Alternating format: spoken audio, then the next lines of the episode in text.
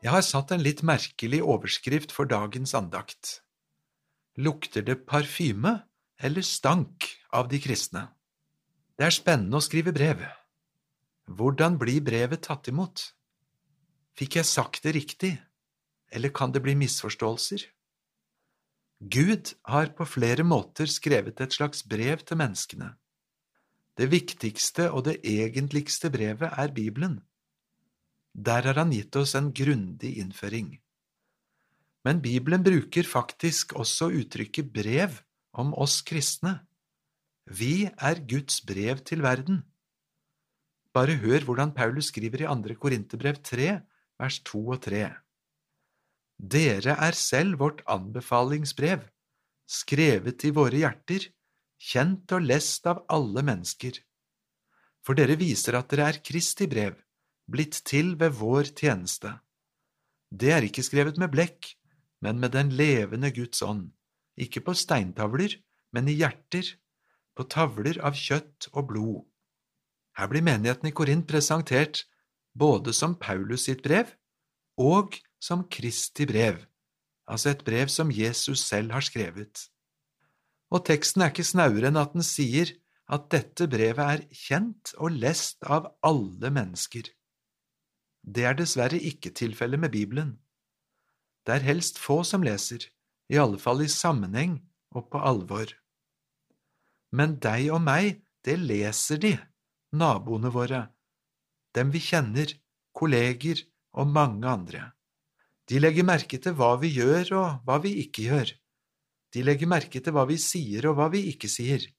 De legger merke til hva vi ler av, hva vi ser på TV. Jeg hørte en gang noen si at folk legger til og med merke til hva jeg kaster i søppelbøtta mi. Men Bibelen har mer å si om hvordan vi representerer Gud. I tillegg til bildet av et brev, så bruker Paulus bildet av lukt. Det er akkurat som om det lukter noe spesielt av de kristne. Kanskje husker du hvordan trollet i de gamle eventyrene kunne klage over at han luktet kristenmanns blod. Det kan faktisk folk rundt oss også. Og nå kommer vi til noe litt spesielt. Lukten av en kristen kan kjennes behagelig, ja, som den fineste parfyme av noen, mens andre syns det stinker aldeles forferdelig. Eller med Bibelens ord, vi er Kristi vellukt for Gud blant dem som blir frelst, og blant dem som går fortapt. En duft av død til død for dem som går fortapt, en duft av liv til liv for dem som blir frelst. Hvem er vel i stand til dette? Dette står i 2. Korinterbrev 2, vers 15 og 16. Hvis folk ikke liker Gud, kan det noen ganger være vår skyld, men noen ganger skylder folk på oss med urette også.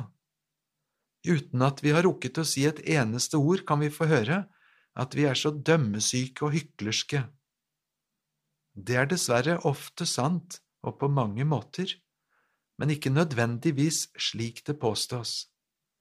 For når et menneske avviser Gud, kan de lett skylde på oss som representerer ham. Da skal vi heller tåle at de skylder på oss for ting som ikke stemmer. Det handler ikke om vår ære eller vår dyktighet etter å vinne folk for Jesus. Vi snakker om hvordan vi kan vinne folk for Jesus, og det er jo ingen enkel sak. Men uten at vi har meldt oss spesielt til misjon eller evangelisering, så er vi faktisk sendebud for Gud. I mange engelske bibler står det ordet oversatt med vi er ambassadører for Kristus. Tenk ambassadør så er vi da utlendinger og utsendinger. Vi er noe for seg selv, og likevel så er vi ikke for oss selv, men for Gud. Paulus sier at det er som om Gud selv formaner gjennom oss. Vi ber dere på Kristi vegne, la dere forsone med Gud. Sånne ord kan lett skape prestasjonsangst. Ja, det kjenner jeg på selv også. For faktisk så står det jo uendelig mye på spill et menneskes evighet hos Gud eller borte fra Gud. I forhold til det med prestasjonsangst, et godt råd, snakk med Gud om dem du vil snakke med, før du med snakker med vedkommende om Gud. Ikke én gang, men ofte. og la oss be om at vi må være beredt så vi kjøper den beleilige tiden, som det står i en annen bibeltekst. Har du det som meg, så er det ofte etterpå at vi kommer på hva vi burde sagt, eller hva vi burde gjort. Et annet lite ord, et ordspill, kanskje er det flere enn meg som føler på avmakt, men da er det godt å vite at vi har fullmakt fra Ham som har all makt, og så er vi Hans ambassadører. Vi føler på avmakt, men har fullmakt fra Ham som har all makt. Og så er det spennende å lese og forstå at de aller fleste mennesker som blir kristne, blir det gjennom noen kristne som de møter. Det er ikke sånt plutselig et møte ut av ingenting med gudstjeneste og sånt som gjør den store forskjellen alltid, men det at de møtte noen som de av en eller annen grunn fulgte i retning Jesus. Vi skal slutte med et flott utsagn fra første Tessalonikerbrev 1 om hvordan det gikk for seg da Paulus drev misjon i Tessalonika.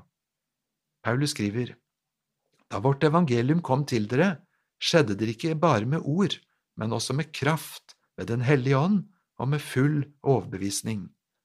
Dere vet selv hva vi gjorde hos dere, vi tenkte bare på dere. Og dere fulgte vårt og Herrens eget eksempel, da dere under hard motgang tok imot ordet med den glede som Den hellige ånd gir, og slik blir dere et forbilde for alle de troende i Makedonia og i Akaya.